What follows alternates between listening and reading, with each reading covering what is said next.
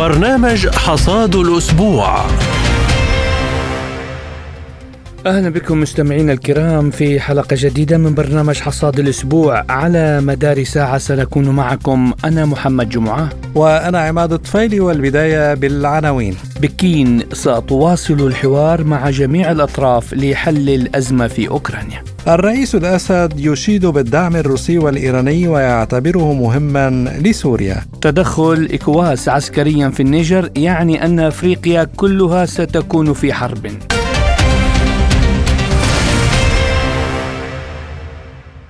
وإلى التفاصيل من الأزمة في أوكرانيا حيث أكدت وزارة الخارجية الصينية في تصريحات لوكالة سبوتنيك أن الممثل الصيني الخاص للشؤون الأوراسية لي هوا قد تبادل بشكل مكثف وجهات النظر مع المشاركين في الاجتماع في جدة وأن بكين ستواصل تعزيز الحوار مع جميع الأطراف من أجل الوصول إلى تسوية سياسية للأزمة الأوكرانية.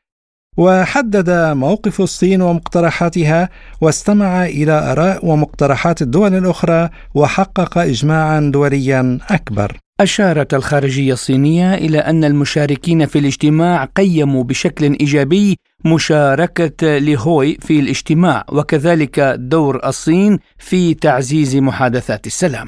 ميدانيا أطلقت القوات الأوكرانية تسعة قذائف عنقودية من عيار 155 ملم على مناطق مختلفة من مدينة دانيتسك. يذكر أن القذائف عيار 155 تستخدمها الأسلحة التي تقدمها الدول الغربية إلى الجيش الأوكراني ومنها مدافع هاوترز بعيدة المدى أمريكية الصنع ومدافع ذاتية الحركة ألمانية بولندية وفرنسية الصنع. وللحديث أكثر عن هذا الموضوع نستضيف معنا الباحث في الشؤون السياسية الروسية الأوروبية الأستاذ صدقي زاهر عثمان. أهلا بك أستاذ صدقي معنا في برنامج حصاد الأسبوع. صباح الخير ويعطيكم ألف عافية. وأبدأ معك من استخدام القوات الأوكرانية قذائف عنقودية على دانيسك، يعني برأيك دكتور ما القنابل أو بالقنابل العنقودية ستضع حرب أوكرانيا أوزارها أم أنها ستكون الشرارة التي سيندلع منها لهيب الحرب العالمية؟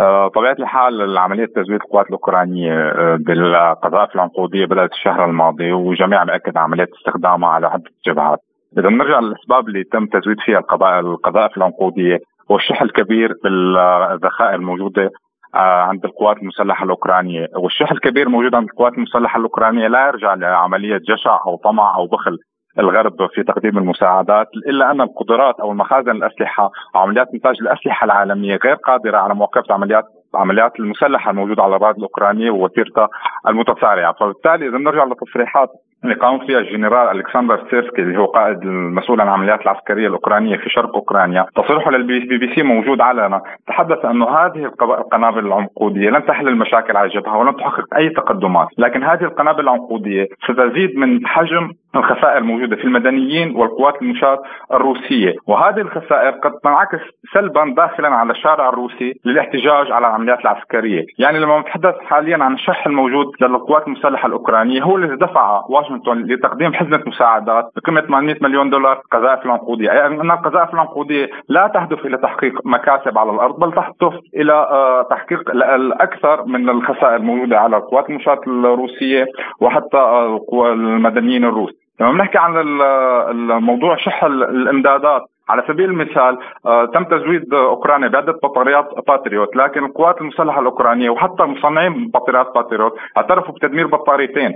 خرج زيلينسكي وصرح انه أوكرانيا بحاجة إلى 50 بطارية باتريوت لحماية جميع الأجواء الأوكرانية. لكن خرج المدير المسؤول عن تصنيع بطاريات باتريوت في شركة رايثيون الأمريكية. تحدث إنه هذا العدد من بطاريات باتريوت لا يمكن تصنيعه خلال سنة ولا سنتين، القدرة الهائلة لتصنيع بطاريات باتريوت السنويه هي 10 إلى 15 بطارية، وهذه البطاريات لا يمكن إرسالها بالأكمل لأوكرانيا وتزويد القوات المسلحة الأوكرانية بها، في في عدة أشخاص أو عدة دول قاموا بإرسال طلبات للتزويد، لا يمكن إرسال كمية الأسلحة الكبيرة إلى أوكرانيا، فبالتالي عملية التزويد بالقنابل العنقودية واستخدامها هي بشكل أو بآخر عملية إفلاس القوات المسلحة الأوكرانية بعد شهر من الهجوم المضاد وعدم تحقيق أي نتائج، هذا هو كل مغزى استخدام القنابل العنقودية. نعم أستاذ صدقي على صعيد آخر يعني فيما يخص آه، يعني المبادرات السلام إعلان الصين إنها ستواصل المشاركة في حل الأزمة في أوكرانيا برأيك هل ستعزز بكين مبادرتها للسلام أم أنها ستلعب دور الوسيط لا أكثر؟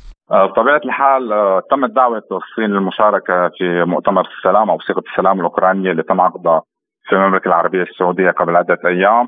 وأجرى وزير الخارجية الصيني قبل يومين مباحثات مع السيد لافروف حول ما تم آه، إجراؤه في السعودية حول صيغه السلام في أوكرانيا. وصرح بشكل علني أن الصين مستمرة بموقفها الحيادي وتدعو إلى عملية السلام والحوار. وبالتالي هذا استكمال للموقف الصيني الذي بدأ من 24 شباط عام 2022 واستكملته الدبلوماسية الصينية بخطتها من 12 نقطة اللي تم إعلانها بشباط الماضي على خلفية الذكرى السنوية للعمليات العسكرية الموجودة في أوكرانيا. إذا نتحدث عن الموقف الصيني القيادة الأوكرانية رحبت بهذا الموقف واعتبرته موقف جدا جيد حول مشاركته. يعني لم تتوقع القيادة الأوكرانية أن تقوم الدولة الصينية بالمشاركة في هذه المباحثات.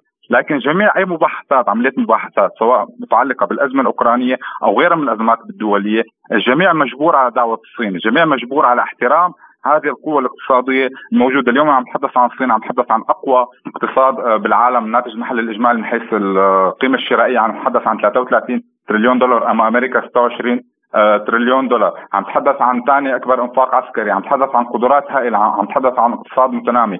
اليوم بعد مشاركة الصين في هذه الاجتماعات خرج العديد من الخبراء الأجانب بتصريحات أو الخبراء الغربيين بتصريحات غريبة. منها تقرير قرأته عن بصحيفة أو موقع الفاينانشال تايم تحدث إنه هذا الموقف من الصين أو هذا الموقف داعي للسلام أو مشاركته حتى في مؤتمر جدة يؤكد أن الصين أصبحت متعبة جدا من هذه الحرب وأصبحت أقرب إلى الغرب وأصبحت أقرب إلى أوكرانيا وستتخلى عن روسيا، يعني هذه التصريحات أو هذه المقالات الموجودة أو المكتوبة من قبل الخبراء الغربيين جدا مستهجنة، يعني كيف ممكن الصين تكون متعبة من هذه الحرب؟ الصين منهجها الدبلوماسي دائما وابدا هو الحياد والدعوة إلى السلام والاستقرار، لكن السؤال كيف يمكن الصين أن تكون متعبة من هذه الحرب؟ نتحدث عن الاقتصاد الصيني النمو هذا العام سيكون 4.5% الاقتصاد على سبيل المثال الألماني عندنا مر بدورتين من حالة الانكماش دخل ركود تقني الربع الحالي عم يمر بحالة نمو صفري لكن نهاية العام تنتهي أيضا بالانكماش والركود، اقتصاد أو نمو الاقتصاد منطقة اليورو أقل من 1% حتى نمو الاقتصاد الروسي عم تحدث عن 1.5 أو 2% بحسب التقديرات، حجم التجارة بين روسيا والصين ارتفع 36% اليوم نتحدث عن خسائر بالنسبة للغرب بأكثر الشركات الغربية بأكثر من 100 مليار دولار بحسب اعتراف الشركات نفسها. خسائر قطاع المواصلات أو السيارات أو انسحاب شركات السيارات من روسيا أكثر من 38 مليار دولار. كل هذا تعوضه الصين كل هذا مؤشرات اقتصادية حجم التبادل. عم يرتفع بين الصين وروسيا وعم يتقلص بين الصين والولايات المتحدة الأمريكية بأكثر من 15% كل هذه العوامل تعزز سيطرة الصين. يعني كيف يمكن الصين أن تكون محتجة على القوات الروسية ومحتجة على السياسات الروسية في أوكرانيا ومنحازة أكثر تجاه تجاه الانحياز الغرب. كل ما هنالك أن الصين تحاول أن تلعب دور قادة العالم الجديد يعني اليوم الصين أي عملية حوار سواء بالمسألة الأوكرانية أو المسألة الأفريقية يجب أن تفرض نفسها، يجب أن يكون هي لها دور في عملية السلام، ولا يمكن لأي نزاع في العالم أن يتم إلا عن طريق الصين بوصفها قائده العالم الجديده الإقتصادية حاليا. وحصرا حصرا آه، على مدى السنوات الطويلة ستصبح هي القائدة المالية والعسكرية، وبالتالي هذه عملية منطقية. نعم وتحدثت عن الاقتصاد وفعلا الاقتصاد هو دائما سيد الموقف يا أستاذ. الآن البيت الأبيض يخطط لمواصلة مساعدة كييف بغض النظر عن الرأي العام في الولايات المتحدة برأيك أستاذ كيف ستكون العواقب على الاقتصاد الأمريكي في هذه الحالة؟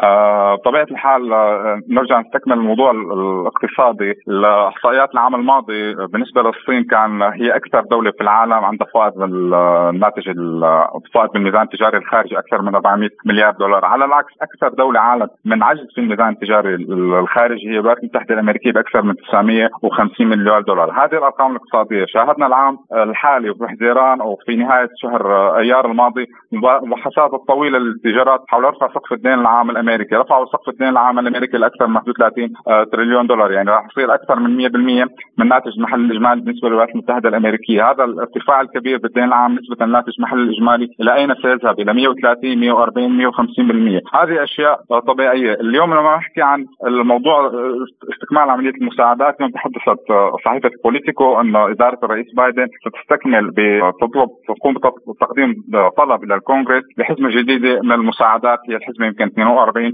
أو 43 المساعدات هي راح تكون على عدة أشكال قذائف وغيره من الأشياء. هذه الحزم المساعدات هي استكمال للمباحثات التي جرتها الإدارة الأوكرانية مع الاداره الإدارة الأوكرانية طبعا مع الإدارة الأمريكية حول ضمانات السلام المتعلقة بأوكرانيا، حاليا القيادة الأوكرانية متخوفة آه، من مصير خلينا نقول آه، سكشفيلي أو حتى متخوفة من مصير القيادة الأفغانية، كل ما تريده حاليا القيادة الأوكرانية هي ضمانات سلام، يعني اليوم بعد المباحثات اللي جرت أو قمة الناتو جرت الشهر الماضي في تموز لم تحصل أوكرانيا على ما تريده، كل ما تريده حاليا القيادة الأوكرانية ليست ضمانات لأوكرانيا بل ضمانات لنفسها، يعني اليوم بعد ذكرى ذكرى 15 للأزمة أو الحرب الجورجية شاهدنا إلى مصير ساكشفيلي، حاليا ساكشفيلي موجود في السجون الجورجية، الحالة الجورجية يعني وزنه صار أقل من 60 كيلوغرام، بالإضافة لأذكر مثال آخر يعني توقيع هذه الاتفاقيات الضمان الامني بين الولايات المتحدة الأمريكية وأي دولة لا يضمن أي شيء لهذه الدول، إذا بنرجع لعام 2021 وقع بايدن ب 25 حزيران اتفاقية ضمانات أمنية مع الرئيس الأفغاني وقتها أشرف غني، 25 حزيران كانت الضمانات الأمنية تقديم مساعدات للحكومة الأفغانية حكومة كابول بأكثر من 3 مليار دولار سنويا وبالعام اللي بعده حيكون 3.5 مليار دولار، ماذا حدث بعد هذا؟ بعد شهر ونص أو بحوالي شهرين 15 آب 2021 هرب الرئيس الأفغاني إلى طاجكستان وهرب من البلاد وسيطر الطالبان على كابول. 31 آه، آب من نفس العام بعد حوالي أسبوعين خرجت القوات الأمريكية، كل ما تبحث عنه حاليا القياده الاوكرانيه هو تجنب مصير هذا اللي حصل مع أشرف غني واللي حصل مع ساكاشفيلي عن طريق تقديم ضمانات خطية، للآن القياده الاوكرانيه تتسلم حزب مساعدات جدا كريمة وجدا سخيه من الدول الأوروبية، تجاوزت 140 مليار دولار بحسب معهد كيل للدراسات الدراسات العامة الالمانيه، منها 80 مليار دولار بالنسبة لأمريكا، لكن حجم المساعدات هذه اللي قرها الكونغرس أو اداره بايدن. يمكن هذا النبع أن ينضب بشكل أو بآخر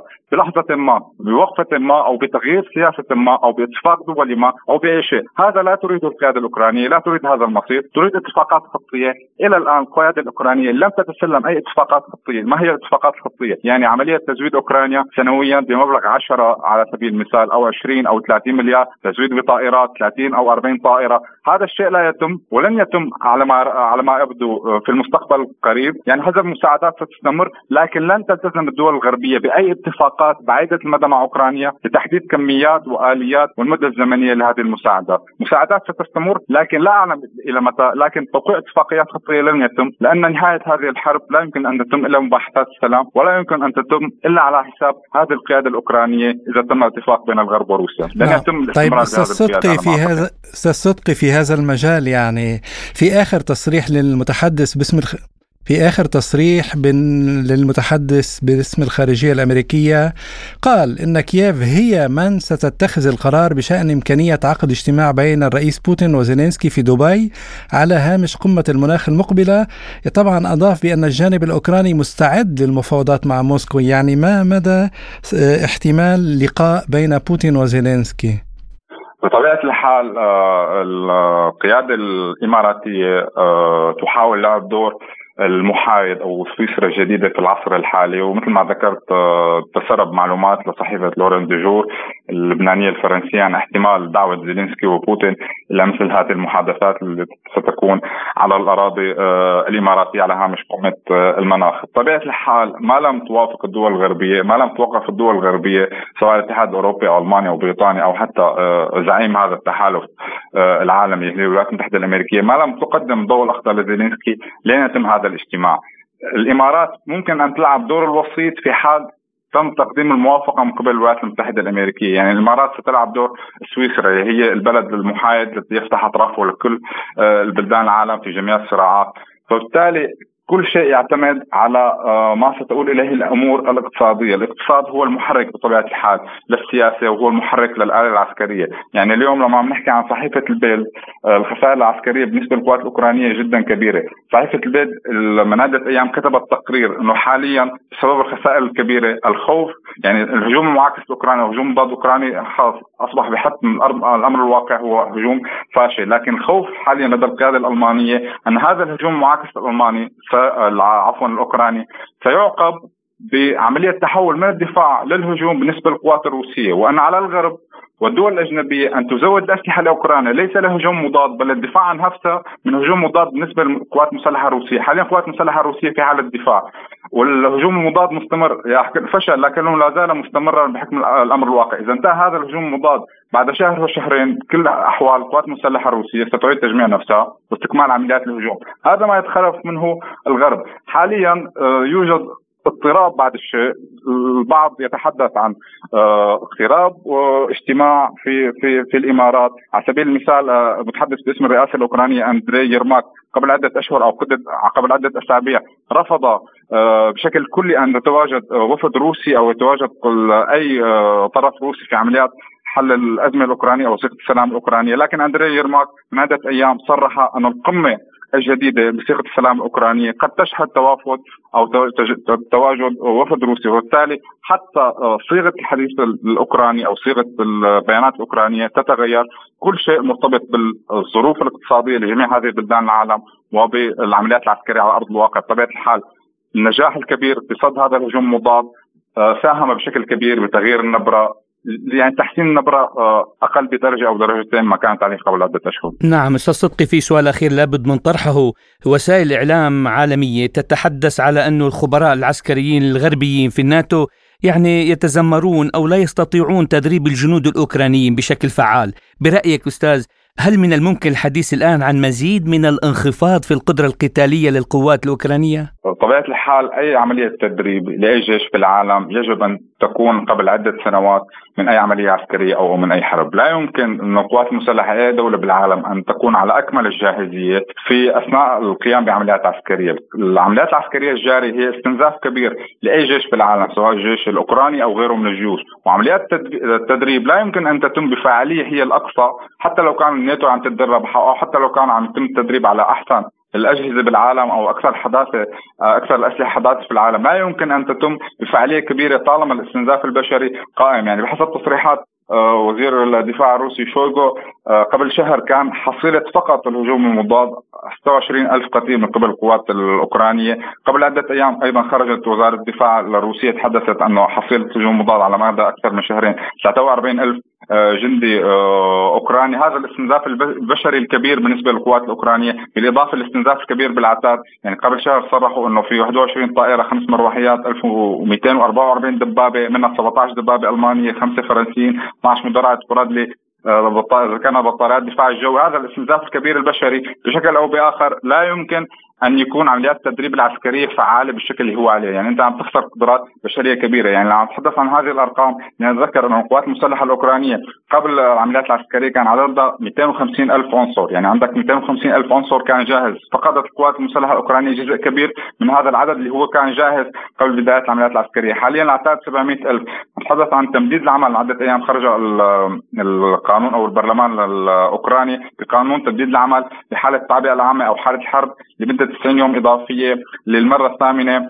على التوالي، يعني حاليا لا يمكن أن فيديوهات على مواقع التواصل الاجتماعي على التليجرام وغير مواقع التواصل الاجتماعي تظهر بشكل يومي عمليات السحب اللي عم تتم من الشارع للعديد من رجال أوكران، لا يمكن أن تقوم بتدريب جيش خلال حالة الحرب تجيب عالم من الشارع تلتقطهم من المولات والكافيهات والبارات ومحلات السهر أو حتى من الشواطئ وتقوم بتدريبه خلال ثلاث أربع شهور لتواجه دولة كدولة روسيا. وبالتالي تصريحات مسؤولين الناتو بالفعل هي هكذا. لا يمكن تدريب جيوش على قدرة استعدادية كبيرة أثناء العمليات العسكرية وأثناء هذا الاستنزاف الكبير الاقتصادي والبشري.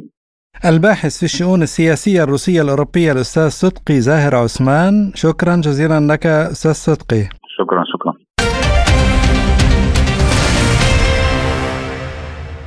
وإلى سوريا حيث قال الرئيس السوري بشار الأسد بأن الدعم الذي قدمته إيران وروسيا كان مهما جدا لسوريا.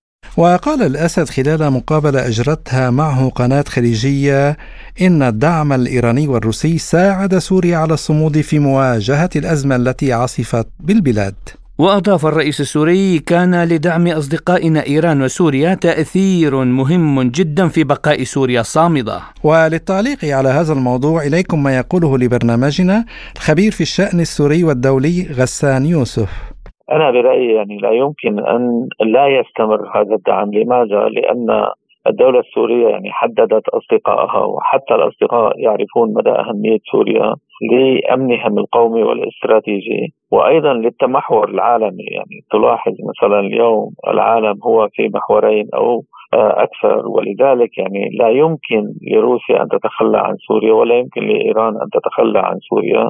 والخطأ الأكبر أن يخف هذا الدعم تجاه الدولة السورية في وقت يعني نلاحظ بأن الولايات المتحدة وحلفائها يحاولون الضغط كثيرا على سوريا يعني مثلا الاتحاد الأوروبي آه، يجدد عقوباته كل ستة أشهر. الدول العربية لا يعول عليها كثيرا باعتبار أن يعني كل دولة لها مشاغلها لها مشاكلها. أيضا يعني كما قال الرئيس عن المؤسسة أو جامعة الدول العربية بأنها ليست مؤسسة بمعنى الكلمة ولكن هي يعني مكان للقاء والخطابات وتبادل الأفكار. هذا صحيح يعني نلاحظ اليوم بأن سوريا بحاجة إلى دعم أصدقائها أكثر من أي وقت مضى ولذلك هذا الدعم سيستمر آه، حتى يعني تنجز المهمة التي جاءت من أجلها كل من إيران وروسيا. أما في حال لم يستمر هذا الدعم فأعتقد بأن كل ما بني خلال يعني 12 عاما سيذهب هباء منثورا، ولذلك اليوم أنا أقول لك يعني الحلف السوري الإيراني الروسي الصيني آه، هو حلف قوي كبير ولكن يحتاج تحتاج الدولة السورية لدعم اقتصادي لأن الحرب اليوم هي حرب اقتصادية على سوريا أكثر من يعني من السابق.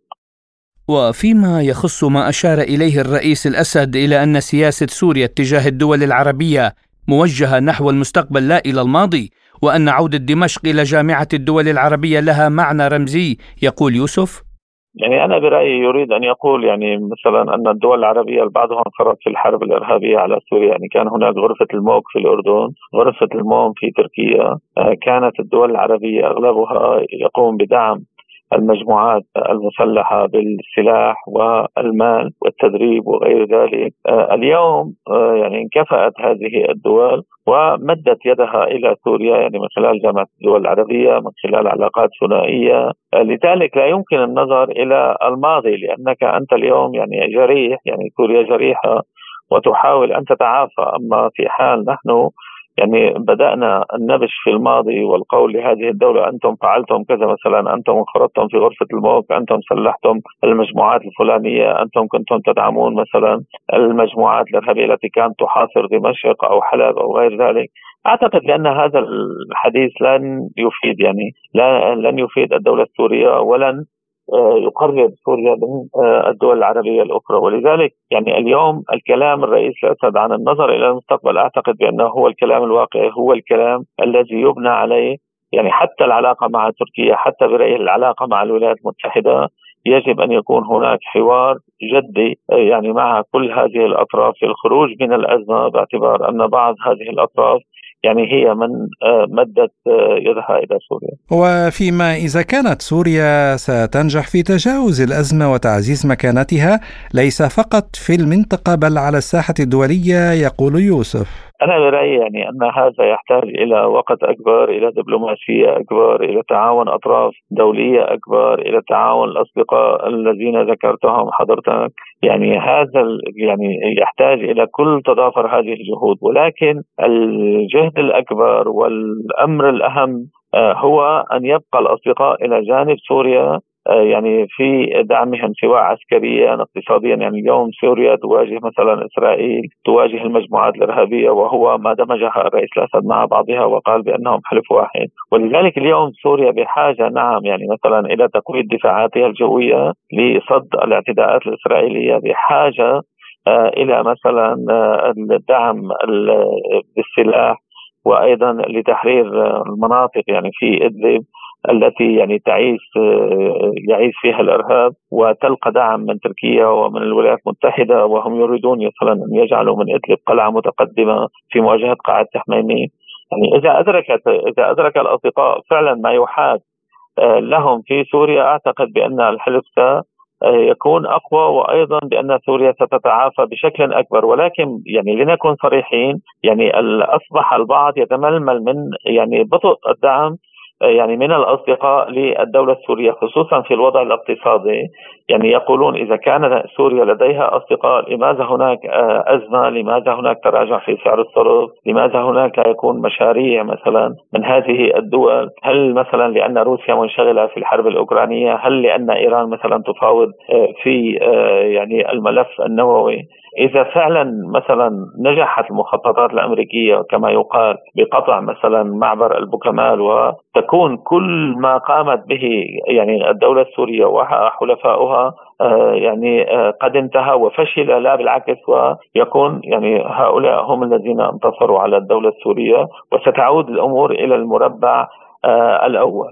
ولذلك أعتقد بأن الموضوع خطير جدا وأن هذه الأيام هي أيام حاسمة ويعني بوقوف الأصدقاء إلى جانب الدولة السورية سواء عسكريا أو اقتصاديا. استمعنا إلى ما قاله الخبير في الشأن السوري والدولي الأستاذ غسان يوسف.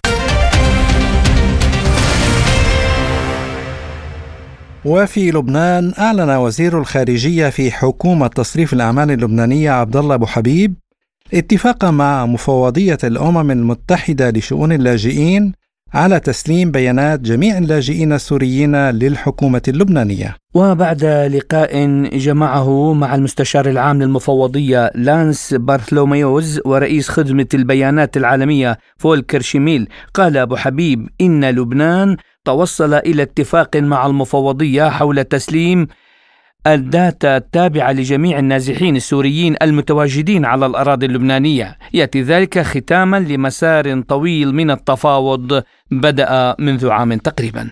للتعليق على هذا الموضوع نستضيف من بيروت المحامي والأستاذ الجامعي الدكتور عادل يمين.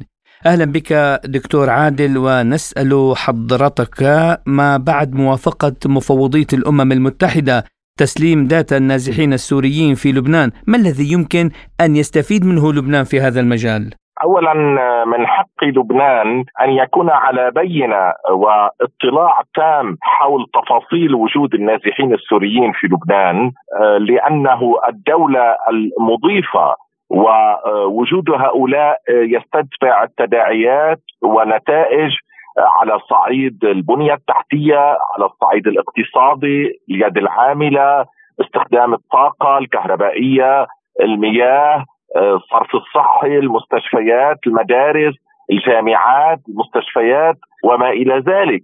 وكذلك إرهاق القضاء بملفات عدلية تتصل بالعديد من هؤلاء لذلك حتى يكون لبنان قادرا على رؤية المشهد بوضوح لابد من أن تكون لديه جميع المعلومات. وهذا أو هذه المحصلة التي توصل إليها وزير الخارجية الدكتور عبد الله أبو حبيب محصلة حميدة حتى تكون الأرقام واضحة والوقائع واضحة سواء من أجل معرفة لبنان كيفية التعامل مع الواقع أو بإطار السعي الجاد والضروري آه، مع الحكومة السورية ومع الدول المعنية لإعادة النازحين السوريين إلى بلادهم كون لبنان لم يعد يتحمل هذا العبء المرهق خصوصا أنه لم يعد من مبرر لبقاء هؤلاء في ظل استتباب الأمن والسلام في سوريا بنسبة 90%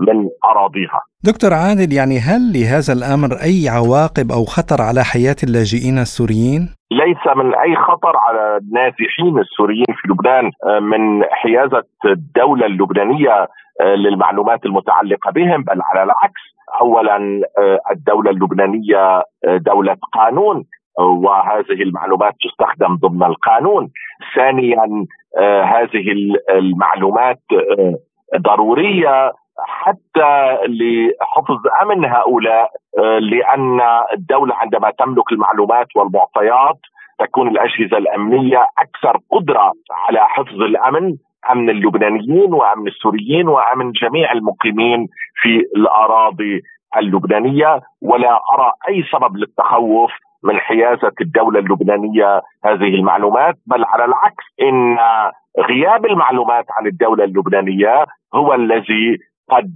يؤدي إلى إرباك آه، أو آه، آه، يؤدي إلى اختلال بمكان ما. وهل يتم برأيك ضمان خصوصية المعلومات الشخصية للاجئين؟ وأيضا هل يتعارض هذا الأمر مع القانون الدولي والمحلي؟ الخصوصيات غير مخترقة اطلاقا، المعلومات المتعلقة بالأشخاص والعائلات هي معلومات عادية هذه المعلومات من واجب ومن حق أي دولة مضيفة أن تعرفها عن جميع المقيمين على أراضيها ولا تعتبر من قبيل الخصوصيات بل تعتبر من قبيل البيانات الشخصية آه، التي يتعين على كل مقيم أن يعلم الدولة المضيفة بها ومن الواجب على كل مقيم أن يطلعها عليها حتى تكون على بينة من المعطيات ومن الوقائع ومن الأشخاص المتواجدين على أراضيها آه، لتعرف كيف تتعامل مع هذه الوقائع. هل يمكن أن نسمع انتقادات أو ملاحظات منظمات حقوق الإنسان عن هذا الأمر؟ تعودنا أن منظمات حقوق الإنسان تتخذ مواقف آه، بما يتعلق آه، بالنازحين السوريين في لبنان محيرة في بعض الأحيان لأنها لا تفكر بحقوق الإنسان اللبناني ولا بحقوق الشعب اللبناني ولا بحقوق الدولة اللبنانية عندما تكون مرهقة بأعباء الوجود النازحين السوريين في لبنان من دون أن يكون هناك من مبرر انساني لتواجدهم بعدما وضعت الحرب بسوريا اوزارها وبعدما نرى النازحين السوريين يزورون سوريا ثم يعودون. فإذا كانوا يهربون من سوريا لأسباب أمنية كيف يزورونها في الأعياد وفي الويكند وفي العديد من المناسبات ثم يعودون إلى لبنان؟ اذا هذا نزوح اقتصادي. الهدف منه الاستفادة من مساعدات الدعم المالي هدفه لفرص العمل التي يجدونها في لبنان على حساب العامل اللبناني والمواطن اللبناني. لذلك أناشد منظمات حقوق الإنسان أن تفكر أيضا بحقوق الإنسان اللبناني التي بات محروما منها في بلده لجملة أسباب وبينها عبء وجود النازحين السوريين في لبنان. كان معنا من بيروت المحامي والأستاذ الجامعي الدكتور عادل يمين، شكرا جزيلا لكم. وإلى الأوضاع في القارة الإفريقية وما يحدث في النيجر حيث تشهد المنطقة الإفريقية حاله من الترقب في انتظار ما ستؤول إليه الأوضاع في النيجر بعد تعرضها لانقلاب عسكري وعزل رئيس البلاد محمد بازوم. وفي ظل ما يحدث أعلن المجلس العسكري الحاكم في النيجر إغلاق المجال الجوي للبلاد تحسبا لأي تدخل عسكري قد تقدم عليه الجماعة الاقتصادية لدول غرب إفريقيا الإيكواس فيما قال مستشار بازوم بأن تدخل إيكواس عسكريا في النيجر يعني أن إفريقيا كلها ستكون في حرب.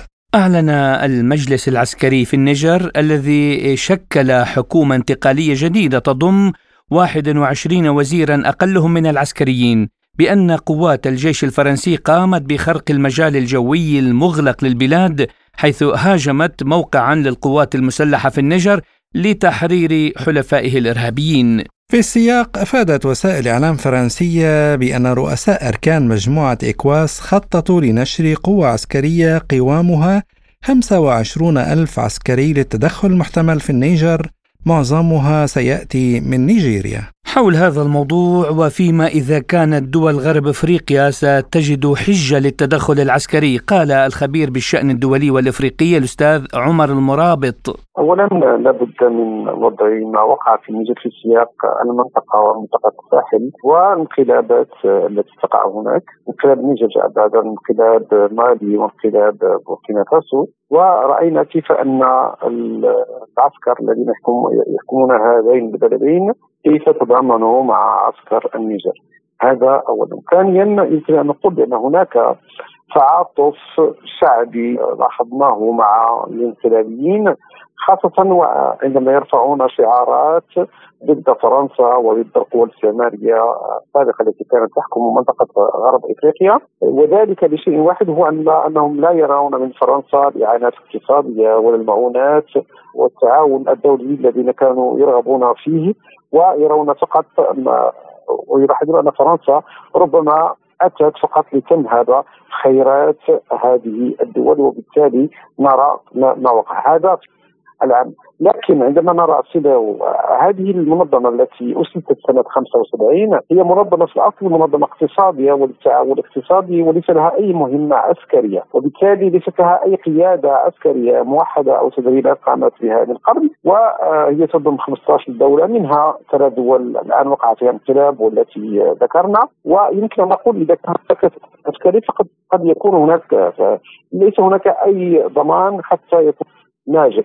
ثم نعرف بأن أكبر دولة في سيلاو هي آه، نيجيريا ومجلس الشيوخ النيجيري لم يعطي الضوء الأخضر لحد الآن للرئيس بهكذا أو هذا وبالتالي نقول بأن الاجتماع الذي سيكون يوم يوم الخميس سيكون حاسما آه، والتدخل العسكري ربما كان تهديدا أكثر منه على أرض الواقع. لأن هذه المنطقة فيها مناطق نعرف بأن الإرهاب تعشش فيها وأنها مناطق خالية من بالتالي وجدت مرتعا كبيرا للحركات الإرهابية.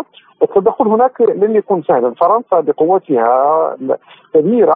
لم تستطع أن تبقى في هذه المنطقة ولو أنها أمنت بعض بعض المناطق أو خاصة المنطقة منطقة ما يسمى بالحدود الثلاث بين نيجيريا وبوركينا فاسو والنيجر. آه اذا آه هذا هو السياق العام. ثانيا النيجر ليست هذه أول مرة يقع فيها انقلاب. قد وقعت انقلابات من قبل والوزير آه الأول الذي عين من طرف الانقلابيين في النيجر هو أصلا قلب عليه عندما كان وزيرا للاقتصاد سنة 2000 2002 رأينا كيف أن هذه الانقلابات التي وقعت في النيجر ستتلوها بعد ذلك. انتخابات مدنية أتت برؤساء آه، بعد ذلك. اذا هناك ما يمكن أن نقول تغير في السياسة الدولية والإفريقية وهذا التغير الآن جاء لأن هناك حرب اوكرانيا روسيا وهناك واوكرانيا يدعمها الغرب. وبالتالي يمكن أن نقول بأن وروسيا التي تحارب الغرب في أوروبا نراها الآن تتمدد في بعض الدول الإفريقية وتسوق نفسها بأنها لم تكن آه، دولة استعمارية. ونعرف بأن العديد من الجنود والضباط في هذه الدول تابعوا دراستهم في روسيا واضطروا في روسيا. وبالتالي يمكن أن نقول بأن لهم توجه وعما إذا كان من الممكن أن نرى تطورا جديدا في الوجود الأمريكي في النيجر أضاف المرابط. وأعتقد أنه آه، انتهاء الحرب الباردة بين الشرق والغرب جعل بعض الدول الإفريقية تجد نفسها في محل اليتامى لأنها قبل ذلك كانت إما تجد معاونة غربية أو معاونة من من الشرق وجدت نفسها تحت النفوذ الغربي لكن دون مقابل وبالتالي هذا ما دفع بعض قياداتها وخاصة داخل الجهازات الأمنية إلى رفض التدخل الغربي وخاصة فرنسا في اتجاه التدخل آه، الشرقي أو تدخل روسيا. النقطه نعم. الثانية هو يمكن أن نكون يمكن أن نقول ان هناك نقطة التقاء آه، في السياسات الروسية والسياسات بعض بعض القيادات الإفريقية نعم. التي قامت بالانتخابات ذلك لانها لأن روسيا لا تمن عليهم ولا تقول لهم ارجعوا إلى الديمقراطية كما يقول لهم الغرب. فهي تتعامل مع كل الحكومات بغض النظر عن ديمقراطياتها أو ديكتاتورياتها. ثم آه، آه، يمكن أن نقول بأن تدخل قوات فاغنر في هذه المنطقة كان له تأثير وهذا التأثير آه، دفع بعض اذا وشجع بعض العسكر داخل هذه الدول إلى القيام بالانقلابات وهذا ما رأيناه الآن في في النيجر. كانت هذه مداخلة الخبير بالشأن الدولي والإفريقي الأستاذ عمر المرابط من جانب آخر تتصدر الجزائر المشهد أيضا بعد موقفها الذي يبدو أنه أربك حسابات فرنسا بعد رفض أي تدخل عسكري بشكل قاطع في النيجر فإلى ماذا ستؤول الأمور في النيجر ولماذا انفجرت الأوضاع في هذا التوقيت تحديدا في القارة الإفريقية؟ ولماذا تخاف فرنسا من فقدان نفوذها في النيجر والمنطقة بشكل عام؟ كل هذه الأسئلة تحدث عنها أستاذ العلوم السياسية الجزائري البروفيسور سليمان عراج الأكيد انه القارة الإفريقية لم ولن تسلم من الحسابات المصلحيه التي تقودها للأسف القوى الغربية آه، التي آه، تفكر فقط بمنطق الهيمنة والنفوذ بعيدا عن مصلحة شعوب. هذه القارة التي لا زالت يعني تئن تحت وطأة الفقر واللا أمن ولا استقرار نتيجة وبفعل التدخلات الأجنبية ومحاولات التأثير على صناعة القرار في هذه الدول الإفريقية باعتبارها وذلك راجع إلى النظرة القاصرة التي التي يعني تنتهجها الدول الغربية في تعاملاتها وفي رؤيتها لأنظمة وشعوب هذه المنطقة. قضية ما حدث في في في النيجر غضته جملة من العوامل لكن الصراع حول النفوذ يظل هو المحرك الأساسي آه، آه، لما يحدث في النيجر وفي منطقة الساحل الإفريقي ككل. والهدف طبعا هو حسابات استراتيجية متعلقة بالمنطقة ومتعلقة أيضا بقضية التواجد بالدرجة آه، بالدرجة الأولى. هناك من يسعى لقطع الطريق على الصين وعلى روسيا لأن التواجد الروسي الصيني في إفريقيا يخيف يخيف الفواعل الأخرى أو التيارات التيار الغربي آه، وهو آه، يعني ربما ما آه، جعلنا اليوم نرى كل هذه التناقضات الحاصلة في منطقة الساحل الإفريقي. إضافة إلى ذلك أن هناك عوامل داخليه غضت أو ساهمت في تغذية هذا ال هذا ال هذه هذه الأزمة وهو أنه اليوم استغلال الثروات الطبيعية من قبل شركات أجنبية وأيضا صفقات مشبوهة مرتبطة بالفساد دفعت يعني هذه كلها عبارة عن عوامل ساهمت في في صناعة هذا صناعة هذا الواقع وهو ما يجعل نفس الشيء ما يجعل اليوم القوى الغربية تلوح بورقة آه، التدخل العسكري الذي لن ولا آه، يمكن أن يؤتي بأي نتيجة سوى زيادة تأزيم تأزيم الوضع. أه وعن تأثير هذه الأوضاع على أمن واستقرار الجزائر قال أعراج وحتى نكون يعني ربما دقيقين في في التعامل مع أو في تفسيرنا لما يحدث هو مسألة التأثير المباشر لا يمكن أن يكون إلا أنه الهدف من إثارة هذه الأزمات على حدود الجزائر هو تضييق الخناق على مواقف الجزائر ومحاولة يعني استنزاف قدراتها فيما تعلق بحماية حماية يعني حماية حدودها لأنه حماية الحدود ليست بالعملية السهلة في ظل في ظل الواقع الأمني وال والواقع الأمني وال يعني والظروف الحاصلة والجغرافي أيضا. وبالتالي المسائل المتعلقه بأنه كيف يتم التضييق والضغط ومحاصرة محاصرة يعني الجزائر من خلال اقوى هذه الدوائر أو أقواس الأزمات التي خلقت على الحدود الجنوبية الشرقية وحتى الغربية. كما قلت الهدف منها هو استنزاف قدرات الجزائر ومقدراتها المالية حتى لا تستثمر هذه المقدرات في الجانب التنموي. اذا هي حسابات مصلحية آه، تديرها قوى آه، غربية آه، للإبقاء على نفوذها ومصالحها وللتضييق على دول المنطقة، الهدف هو جعلها كيف تجعل هذه الدول يعني تابعة لسياستها الغربية الإمبريالية. كانت هذه مداخلة أستاذ العلوم السياسية الجزائري الدكتور سليمان أعراج.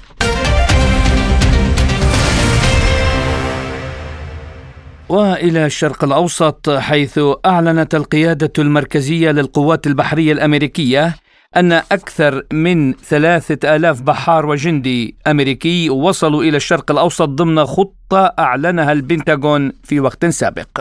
وأضاف البيان أن السفينة الهجومية البرمائية يو إس إس باتان وسفينة الإنزال يو إس إس كارتر هول دخلتا البحر الأحمر عبر قناة السويس إلى منطقة عمليات الأسطول التي تشمل الخليج العربي وخليج عمان والبحر الأحمر وأجزاء من المحيط الهندي وثلاث نقاط حرجة في مضيق هرمز وقناة السويس ومضيق باب المندب. بدوره قال المتحدث باسم الأسطول الخامس الأمريكي إن وصول مئات الجنود الأمريكيين للشرق الأوسط هو مقدمة لتواجد دائم لتمكين الاستجابة السريعة في حالة حدوث مشكلة ولإعطاء أيضا المزيد من الخيارات والمرونة لمتخذي القرار في واشنطن والقادة في الميدان. عن هذا الموضوع وما الذي تستعد له واشنطن تحدث لسبوتنيك الخبير العسكري الاستراتيجي العميد تركي الحسن. اولا هذا في التحليل عندما نذكر أن هذا النشر الجديد للولايات المتحدة. نعود قليلا إلى الخلف أن الولايات المتحدة قلصت من الوجود العسكري في المنطقة ونذكر أنه قامت بنقل بطاريات البتريوت في دول الخليج بكاملها إلى الأردن وأعادت نشرها في مناطق أخرى. وبالتالي هذه العودة الجديدة يعني للولايات المتحدة تريد أن تقول أنني لم أترك المنطقة ولن أترك المنطقة لأنه في إطار الصراع الدولي هناك كان سابقا رأي أمريكي أن تذهب هذه القوات باتجاه جنوب شرق آسيا لمحاصرة الصين أو لإلهاء الصين أو لتفجير وضع ساخن هناك في منطقة بحر الصين الجنوبي. الآن كما ظهر أن السياسة التي كانت متبعة في الفترة الماضية بالنسبة للولايات المتحدة تعيد النظر فيها بان الانكفاء من المنطقة أدى إلى أن تكون هناك دول أخرى تفتح علاقات وتبني علاقات. لا أقول تملئ الفراغ لأن الفراغ لن تملأه هذه الدول يعني الصين وروسيا. ولكن ستملأه شعوب المنطقة. لكن على قاعدة أن هناك علاقة مضطردة مع الصين وعلاقة مضطردة مع روسيا. وبالتالي على أساس أن هاتان الدولتان تقومان على قاعدة رابح رابح اي أي تبني تبني علاقاتها مع دول المنطقة بعيدا عن ما كانت تقوم به الولايات المتحدة من هيمنة وإملاء ونهب للثروات وللنفط وغير ذلك. أعتقد أن هذا الدفع بمدمرة وحامل يعني 3000 بحار إضافة إلى طائرات من نوع اف 35 أو غير ذلك هذا لا يؤثر على ميزان القوى بهذه الدرجة يعني نحن نعلم أن الولايات المتحدة في أي عمل تقوم به يكون جزء منها الحرب النفسية والاستعراض وبالتالي إذا جاءت الولايات المتحدة بثلاثة آلاف جندي أو بحار يعني في إلى المنطقة هل ستتغير المنطقة كليا بحيث أن سترتعد فرائس دول المنطقة؟ لا أعتقد ذلك. يعني لا روسيا ولا الصين ولا إيران يمكن أن ترتعد فرائصها من هذا الدفع بقوات عسكرية إضافية. وبطبيعة الحال عندما كانت قد تعاهدت الولايات المتحدة بحماية الداخل السعودي وخاصة شركة أرامكو خاصة شركة أرامكو لم تسقط صاروخا واحد لأنصار الله يعني لجيش اليمن. وبالتالي هذا الأمر يعني هم كما يقولون أن الهدف من القوات الجديدة هي تأمين الملاحة الملاحة على مساحة 2.5 مليون كيلومتر مربع.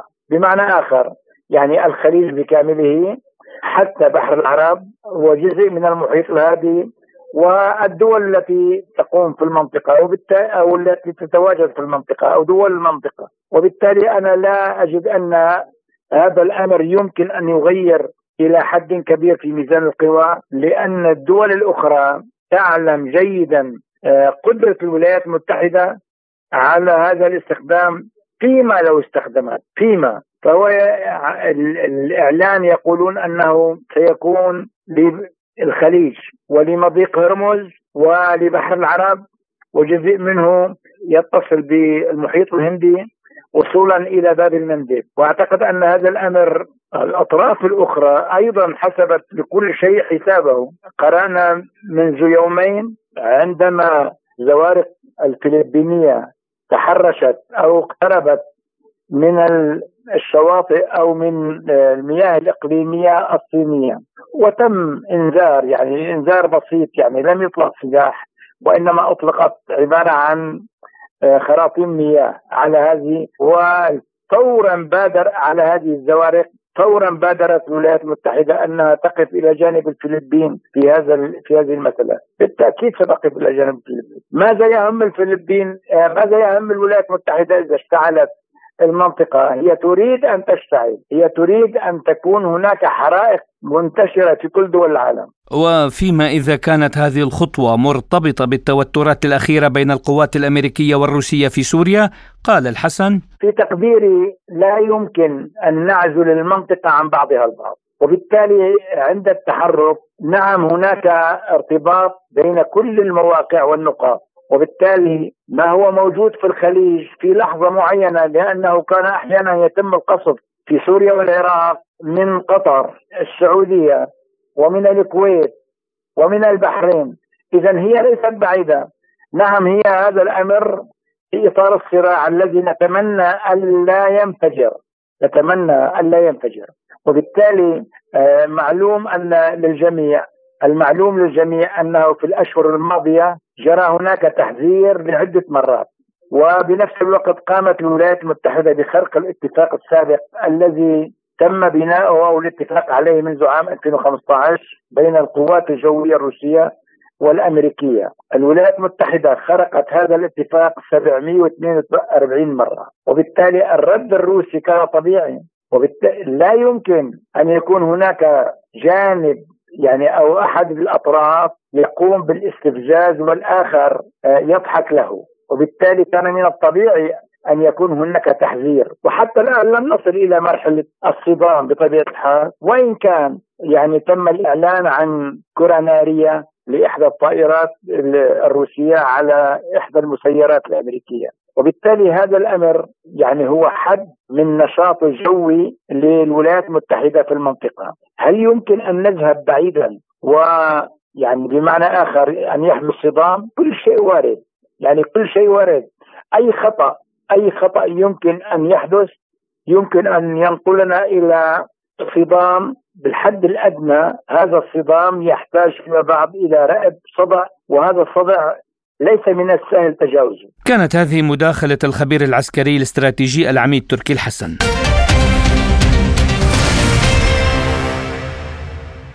وفي الشأن الاقتصادي والتعاون بين روسيا الاتحادية ودولة قطر أكد سفير الروسي في الدوحة أن عدد السياح من روسيا إلى قطر يتزايد باضطراد بسبب إمكانية دخول الروس بدون تأشيرة لمدة 90 يوما وأوضح دوغاتكين في تصريحات لسبوتنيك إننا نشهد زيادة مضطردة في تدفق السياح من روسيا.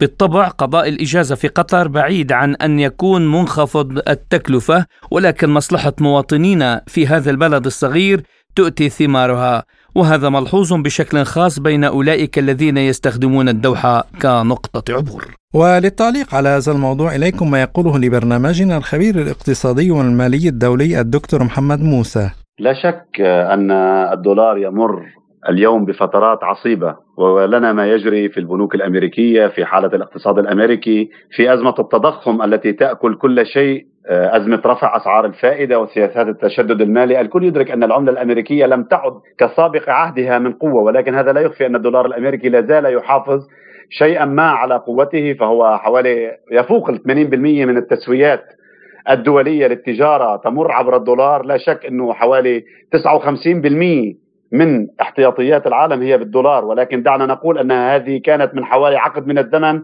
تفوق السبعين بالمئة وبالتالي هي في حالة تقهقر. دعني أقف عما قاله آه، الرئيس الأمريكي السابق والمرشح الحالي دونالد ترامب من أن عملتنا تتقهقر وهو يتحدث أن الدولار إذا أكمل بمسارات السياسة الأمريكية الحالية على مستوى التعاطي مع الدول الكبرى لا سيما الصين وروسيا والأزمات الدولية سيكون أمام مفترق طرق.